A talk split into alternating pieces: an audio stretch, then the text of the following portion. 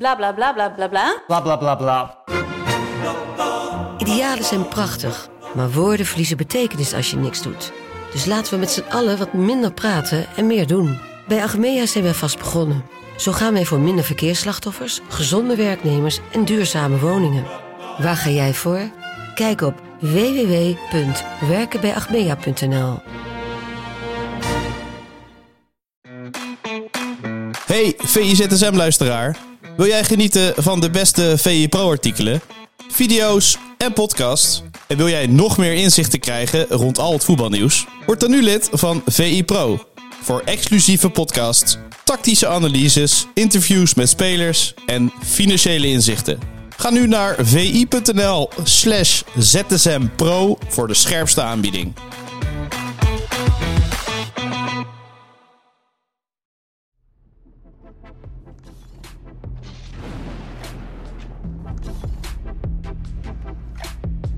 Goedemorgen en welkom bij een nieuwe aflevering van VIZSM, de dagelijkse podcast van Voetbal International, waarin wij jullie meenemen met het allerlaatste nieuws. Mijn naam is Jarno Verwij en zoals iedere maandag zit ik aan tafel met hoofdredacteur Pieter Zwart. Goedemorgen. Goedemorgen. Ehm, Peter Bos had niet genoten van de wedstrijd en hebben het specifiek over PSV Feyenoord. Ik heb ervan genoten. Nu is mijn vraag aan jou. Heb jij daar ook van genoten, Pieter? Ja, absoluut. En kijk, wat het voor trainers denk ik soms minder leuk maakt, maakt het voor de neutrale toeschouwer eigenlijk leuker. Namelijk dat er fouten worden gemaakt. En ja, in deze wedstrijd werden er wel fouten gemaakt. En ook allerlei spelers die normaal gesproken nooit fouten maken. Dus David Hartsko, die speelt Ja. eigenlijk een voortreffelijk seizoen.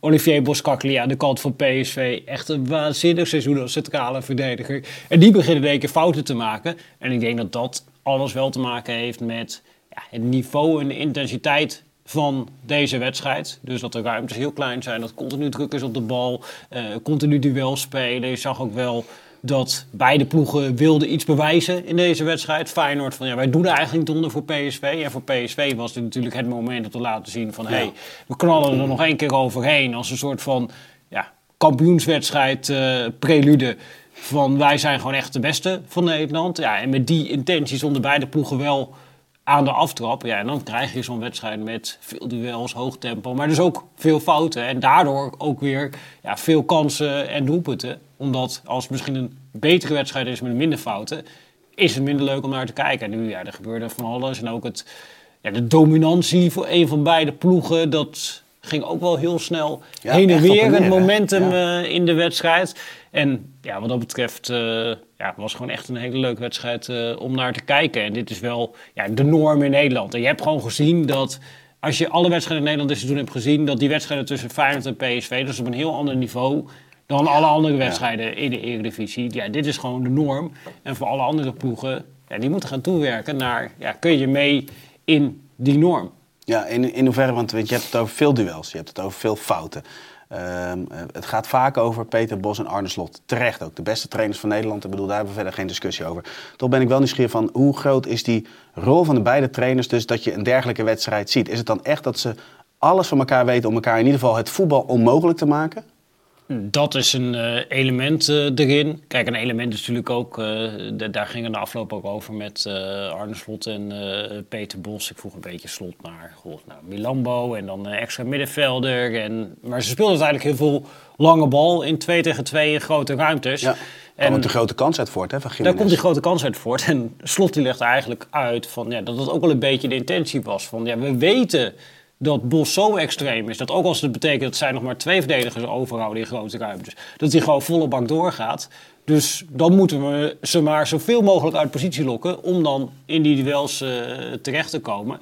En ja, dat was wel grappig na afloop. Dat je dus aan de ene kant slot zag, die zoiets had van: oké, nou, we, we kregen ze soms wel niet 2 tegen 2. En daar kregen we ook al een paar kansen uit. Terwijl ja, Bos het juist zag als: ja, dat moeten we beter verdedigen. Eh, en ja, Bos Kakli die loopt in één keer eh, onder de bal door en zij krijgen de kans. Dus hetzelfde moment dat ja, Bos eigenlijk zoiets had van: nou, dat zijn gewoon fouten van mijn spelers die ze normaal gesproken nooit maken. Terwijl Slot daar misschien ook een beetje in zag van: hé, hey, mijn tactiek werkte toch wel een beetje. Dus En voor beide was- valt iets te zeggen, toch? En voor beide nu- valt er iets te zeggen, ja. Want je kunt, het, je kunt het als een fout van, van Boskakli benoemen. Maar op het moment dat die bal ergens valt en het is gewoon een duel tussen twee spelers. Dan is op dat moment gewoon, ja, het, het duel tussen die twee gaat bepalend zijn. Daar, dan komt er geen tactiek meer kijken. Nee, en het grappige is natuurlijk dat tijdens de wedstrijd... dat de meeste duels ook wel echt gewonnen werden door die PSV-verdedigers. Daardoor had PSV ook heel veel balbezit. Alleen als je één keer niet zo'n duel wint... Ja, dan zie je dat het meteen heel gevaarlijk is. En ja, dat was een van de dingen die eh speelden. Maar hetzelfde was rond het moment waar Boskakli de bal verliest aan Minte. Ja, als je dat slot vraagt, zegt hij, ja, dat is ook wel de kwaliteit van Minte. Die is eh, snel, die is explosief, is mijn beste verdediger in de 1 tegen 1. En die is vaak net iets sneller bij je voeten dan dat die verdediger eh, inschat. En ook daar, denk dan Bos, ja. Ja, die laatste meters waren ook, als, je- als je dat ziet, in eerste instantie staat hij een beetje Ja, hij rent niet. of zo. Ja. En ineens gaat hij. Dus het is best wel, als je het een paar keer terugkijkt, is het echt wel interessant. Want in eerste instantie zie je alleen de fout. Maar later zie je pas het gedrag van die Minte. Dat hij dus schermt, ineens volle bak gaat, maar ook gewoon echt doorzet. Ja.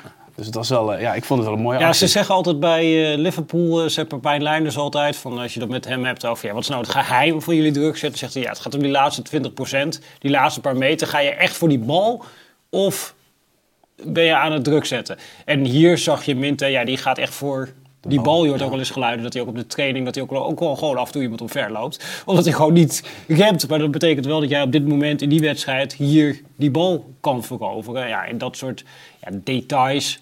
En daar, daar gaat het toch ook vaak om in dit soort topwedstrijden. En dat is ook wel weer het grappige, dat het gaat heel veel over tactiek. Die spelers, die trainers zijn ook heel veel bezig met tactiek. Maar uiteindelijk wordt die wedstrijd beslist op een paar ja, echt momenten, een paar duels. Ook als je die 2-1 ziet die Feyenoord maakt. Kijk, je kunt het natuurlijk hebben over uh, die op een gegeven moment Jiménez helemaal kwijt uh, is. Uh, of Boskakli, die misschien net iets beter die voorzet van uh, Geertruiden eruit kan halen. Maar daarvoor zit het duel op de rand van de 16 tussen Mauro Junior en Timber. Ja.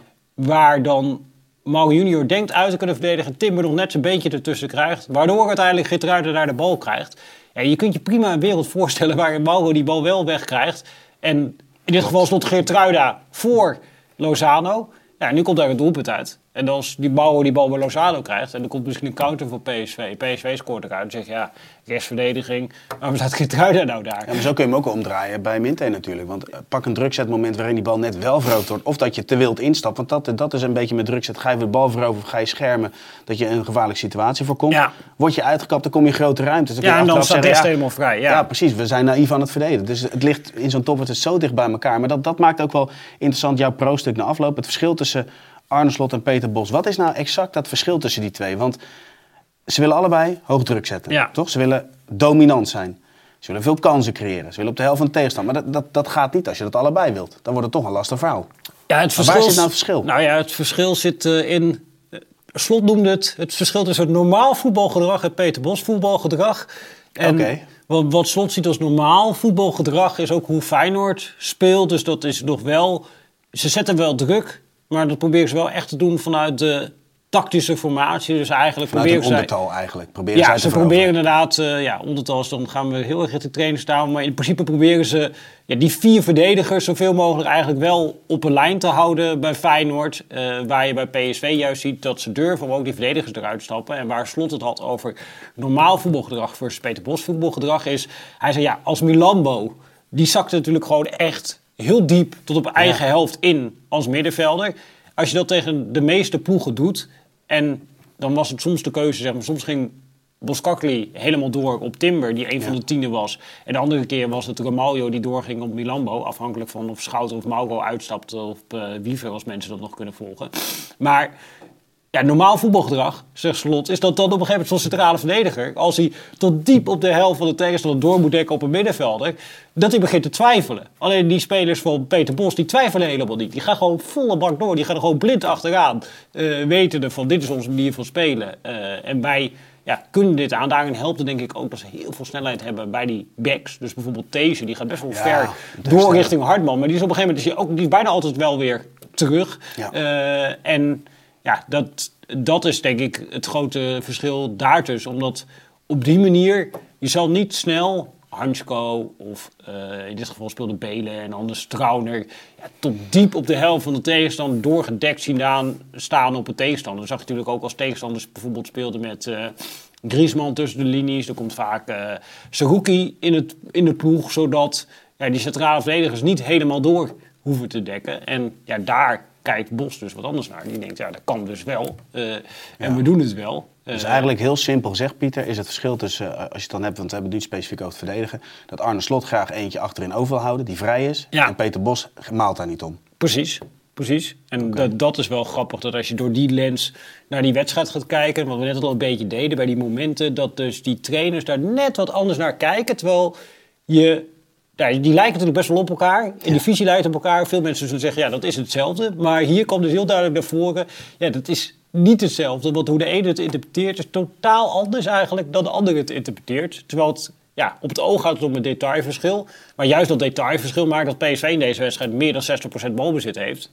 En ja, dat Feyenoord misschien net wat grotere kansen heeft. Eh, in ieder geval volgens Opta hadden ze meer expected goals en een, een hoger aantal grote Ja. kansen.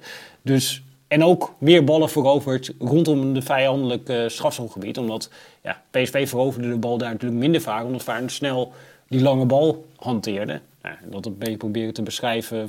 Ook aan de hand van die woorden van die trainer zelf. Van waar zit nou eigenlijk dat verschil in? Dus dat kunnen mensen lezen op VE Pro. Een aanrader. Dan gaan wij naar Ajax FC Utrecht. Ehm Lentin schreef dat volgende over, dat, dat eh, John Schip houvast nou ja, kan, kan, kan hebben nu na, na aanleiding van het systeem. Alleen ja, is het nou een 1-5-4-1 of is het nou een 1-3-4-3? Je moet er één erbij noemen. hè, Anders, eh, Ja, jij moet anders- dat doen. Jij zit op de anders sla, je, anders sla je de keeper over. Maar goed, het gaat erom eh, 5-1 of 3-4-3. Het is maar net, want, want dat, dat vind ik wel, we willen in Nederland wel eens doorslaan in systemen. Maar het is uiteindelijk een startformatie die lopende, ja, het, het spel wel eenmaal begint, laat maar zeggen, dynamisch is. Maar hoe heb jij daarnaar gekeken? Spelen ze nou meer met drie achterop of met vijf achterop? Hoe zie jij dat? Ja, het is toch een onzin discussie. Als ze de bal hebben, spelen ze met drie. En als ze de bal niet hebben, spelen ze met vijf. Ja, en als je nou kijkt naar de wedstrijd tegen Utrecht. In, in, bij AZ had je wel het idee dat ze steeds naar achter stonden. Dus vaker wel met vijf. En nu bij Utrecht hadden ze volgens mij een groter aandeel in de wedstrijd. Hoe kwam het er toen uit te zien? Dat was bijvoorbeeld Sosa. Kwam die er beter in daardoor? Ja, Sosa wel. Ja, die gaf ook weer een eh, assist. Natuurlijk eh, bij eh, de openingstreffer Sosa. Die komt nog wat meer in de situaties waar Sosa goed in is. En ze hadden natuurlijk nu ook wat meer eh, ja, daaraan kunnen werken om die afstemming eh, goed te krijgen. Want het gaat uiteindelijk als Ja, je ze dit hebben nu systeem... op getraind, ja. Ja, dat Ja, ze het. hebben erop getraind. Eh, ja, nou, daar komen we zo denk ik nog wel op. Maar, Ja, precies. eh, er is natuurlijk ook wel echt eh, op eh, getraind. En dan, ja, dit, dit- systeem draait natuurlijk wel heel erg om... Ja, je moet doordekken vanuit achteruit. En je moet weten, eh, ja, wanneer stapt die back door? Wanneer stapt de centrale verdediger door? Of, Ja. En ook wanneer doe je dat eh, nou niet? En ja, op dat vlak eh, ja, waren ze nu iets verder. En tegelijkertijd, ja, het is eh, thuis tegen FC Utrecht. En ik weet dat die uit een hele goede serie komen, Ja. eh, Utrecht. Alleen, het is natuurlijk niet... Als we het net hebben over PSV Feyenoord is de maatstaf. Ja, dit is niet... Voor Ajax zou dit niet de maatstaf moeten zijn... dat je thuis tegen Utrecht weinig kansen ge- weggeeft... als je met vijf verdedigers speelt. Het gaat erom... We spelen straks tegen Aston Villa. Oké, wat krijgen we dan te zien tegen een tegenstander die wel in staat is om ja, onder dat eerste drukmoment eh, uit te spelen. En dan gaat proberen om Ajax in grote ruimtes eh, te krijgen. En die verdedigers voor lastige keuzes te stellen. Kijk, dat, dat is natuurlijk eh, de echte Maar dit is wel een belangrijke discussie. Want als je de eerste helft pakt, Hato als, als meester, die schoof ook een aantal keer door. De vraag is dus, durf je dat ook tegen Aston Villa? Kom je dan ook in die situatie dat je dat doet? Ja, het zou dus wel moeten. Anders gaat het helemaal niet functioneren. Dan loop je alleen nog maar terug. En dit is natuurlijk geen ploeg die, eh, als ze veel in de eigen 16 komen, dat ze dan succesvol gaan verdedigen tegen eh, Aston Villa. Dus ja, dat zou je eh, moeten doen. Ja. Dus ja, daar ben ik wel nieuwsgierig naar. Van, ja, in hoeverre Ajax zo in staat is om competitief te zijn tegen Aston Villa. Ja, en persoonlijk heb ik daar wel een beetje een hard hoofd in. Ik heb ze natuurlijk ook gezien, eh, nou, natuurlijk en in de Premier League, maar ook op een gegeven moment live in het stadion tegen AZ. En dan zie je wel dat, dat die ploeg is zo goed ingespeeld. Ja, en Ajax is hier nu twee weken mee bezig. Eh, dus daar zit wel echt, eh, ja, vrees ik voor Ajax, nog een wereld van verschil tussen. En dat is wel, ja, Aston Villa is ook weer niet Manchester City. Dus dat zal wel, zeg maar, bij Ajax, ja, de lat... Aston Villa maakt het Manchester City wel knap moeilijk. Ja, die, die, die hebben Manchester City de slechtste wedstrijd in, een, eh, in het eh, Pep Guardiola-tijdperk laten Ja. spelen eh, dit seizoen. Dus dat is absoluut waar. Maar ik bedoel maar aan te geven van het is ook niet de allerbeste club in Engeland. En ja, dat, dat zou wel de maatstaf bij Ajax moeten zijn. Dat je in ieder geval competitief kan zijn tegen dit soort tegenstanders. En ja, de- deze ploeg heeft een stapje gezet Alleen ik heb nog niet de indruk Nee. eh, dat ze die stap in die richting eh, hebben gezet. En ja, ik vrees voor Ajax eh, met deze jonge ploeg dat het ook in dit systeem ja, nog wel wisselvallig kan zijn. Maar goed, ze zijn in ieder geval eindelijk weer in staat om ja, de nul te houden. En ja, dat geeft iets van houvast in een moeilijke fase. Ja, mooi stuk van Lente Groot. Maakt het ook gelijk, maakt ook gelijk heel nieuwsgierig richting de wedstrijd tegen Aston Villa. Wat mij ook nieuwsgierig maakt is Brian Brobby. Is toch wel steeds een van de lichtpunten in, in, bij Ajax. En dan ben ik wel nieuwsgierig van oké, eh, je speelt tegen Aston Villa. Veel hoger niveau. Ik, ik kijk er zo naar uit van hoe hij zich staande gaat houden tegen die defensie. Hoe zie jij dat? Dat klopt. Ja, als je gewoon sec kijkt naar zijn rendement dit seizoen in Europa versus in de Eredivisie, zit daar een enorm groot gat tussen. Ja, ik denk dat het ook niet helemaal losvalt te zien van dat zijn fysieke voordeel over het algemeen tegen volwassen Europese verdedigers kleiner is dan in de Eredivisie.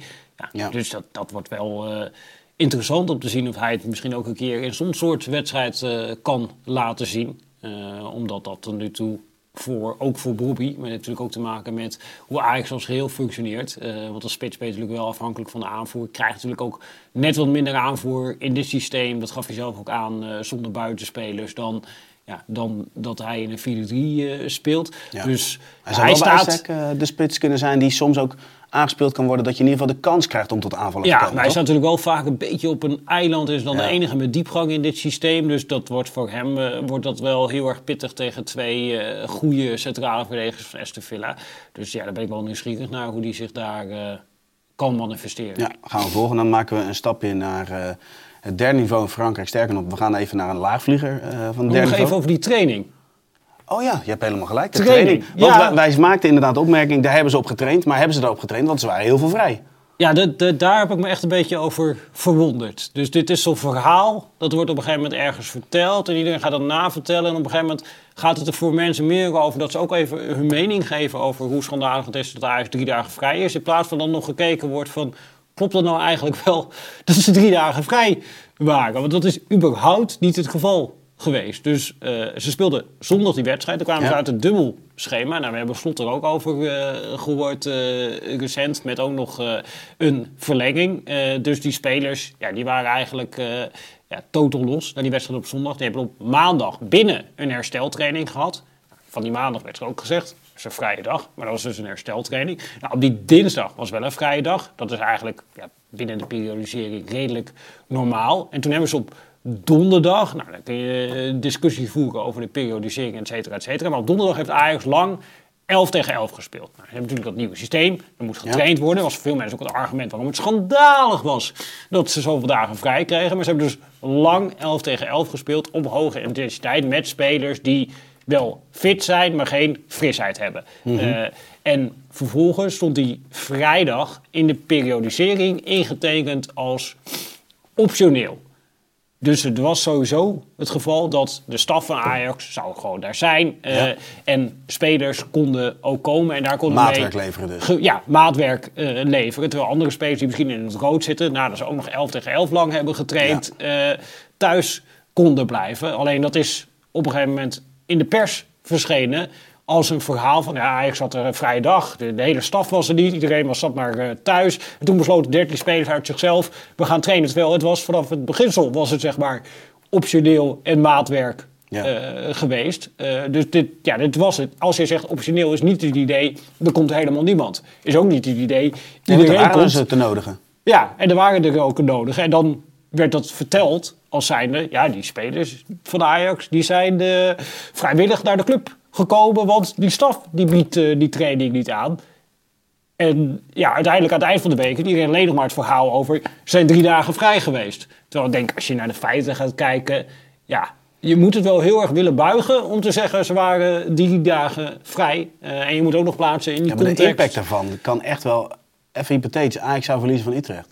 Dan, gaat, dan wordt het daar aan gekoppeld. Dat klopt, dat klopt. Eh, terwijl het uiteindelijk ja, net gaat om beeldvorming, hoe leg je het uit? Eh, Ja. Zijn er dan drie vrije dagen? Eh, ja, of is dat net wat anders?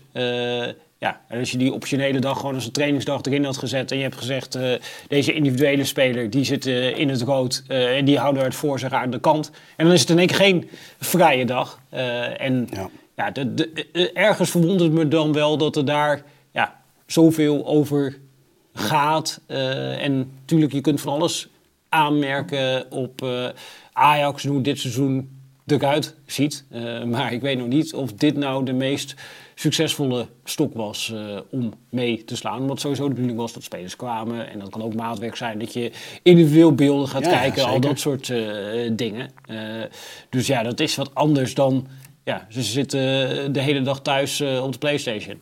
Ja, ik ben blij dat jij dat even recht eh, Pieter, want dat is eh, alleen maar goed. Dan gaan we kort het meest gelezen item op VE Pro gaan bespreken. Dat uh, komt van Dave Albers. Ehm, we hebben het over een club op derde niveau in Frankrijk. Sterker nog, een club die het moeilijk heeft op, in het derde, derde niveau in Frankrijk. Dave is op bezoek geweest bij Jermaine Lens. En de zin, ja, het klinkt misschien stom, maar misschien omdat je zelf ook misschien wel eens in die situatie komt, niet zo extreem uiteraard. Maar er staat ineens 110 kilo op de weegschaal. En ik zie Lens als een supersnelle aanvaller, sterke gozer. En dan 110 kilo. denk ik, ja, dat is toch het zinnetje stom. Maar dat, wat mij is het meest bijgebleven. Ja, sowieso wel een fascinerend verhaal. Versailles, natuurlijk een club, een naam die je eigenlijk kent van een paleis. En daar is dan zeker. een club. En die club die mag bijvoorbeeld ook niet s'avonds spelen. En dan wordt, is het verhaal daarbij dat uh, vroeger Lodewijk XIV niet wilde dat er andere lichten waren in de stad. En dat daarom de stadionverlichting s'avonds niet uh, aan mag. En daarom spelen ze in een of ander uh, rugbystadion. En daar zit dan een ja, x-voudig international van Oranje. Die gewoon nog basisspeler is geweest op het WK in Brazilië. in een van de poolwedstrijden. Ja, die loopt daar tussen bij degradatiekandidaat op het derde niveau in Frankrijk. Ja, dat is fantastisch dat uh, Dave daar is geweest en dat die, ja, die verhalen heeft opgetekend van Jeremy Lens. Omdat dit is zo'n speler, ja, die is in één keer uit het oog verdwenen. omdat ja, die zat in Turkije, die is er op een gegeven moment uit het elftal beland en heeft toen besloten van allerlei winst op garde. Ik ga je wel mijn geld ophalen. en daarna ja, is hij dus in één keer bij dit Versailles beland. En ja, om dat uh, te lezen, dat verhaal achter de schermen bij ja, hoe een Oranje International in één keer op het derde niveau in Frankrijk belandt. En waar hij zich begeeft, hè? de stad waarin hij zich begeeft. Ja, Ook leuk om mee te nemen. Dat, ja, fascinerend, fascinerend verhaal. Ik zou het echt gaan lezen. Absoluut. Hulde voor Dave. Pieter, dankjewel en tot de volgende. Ja, tot, tot ZSM.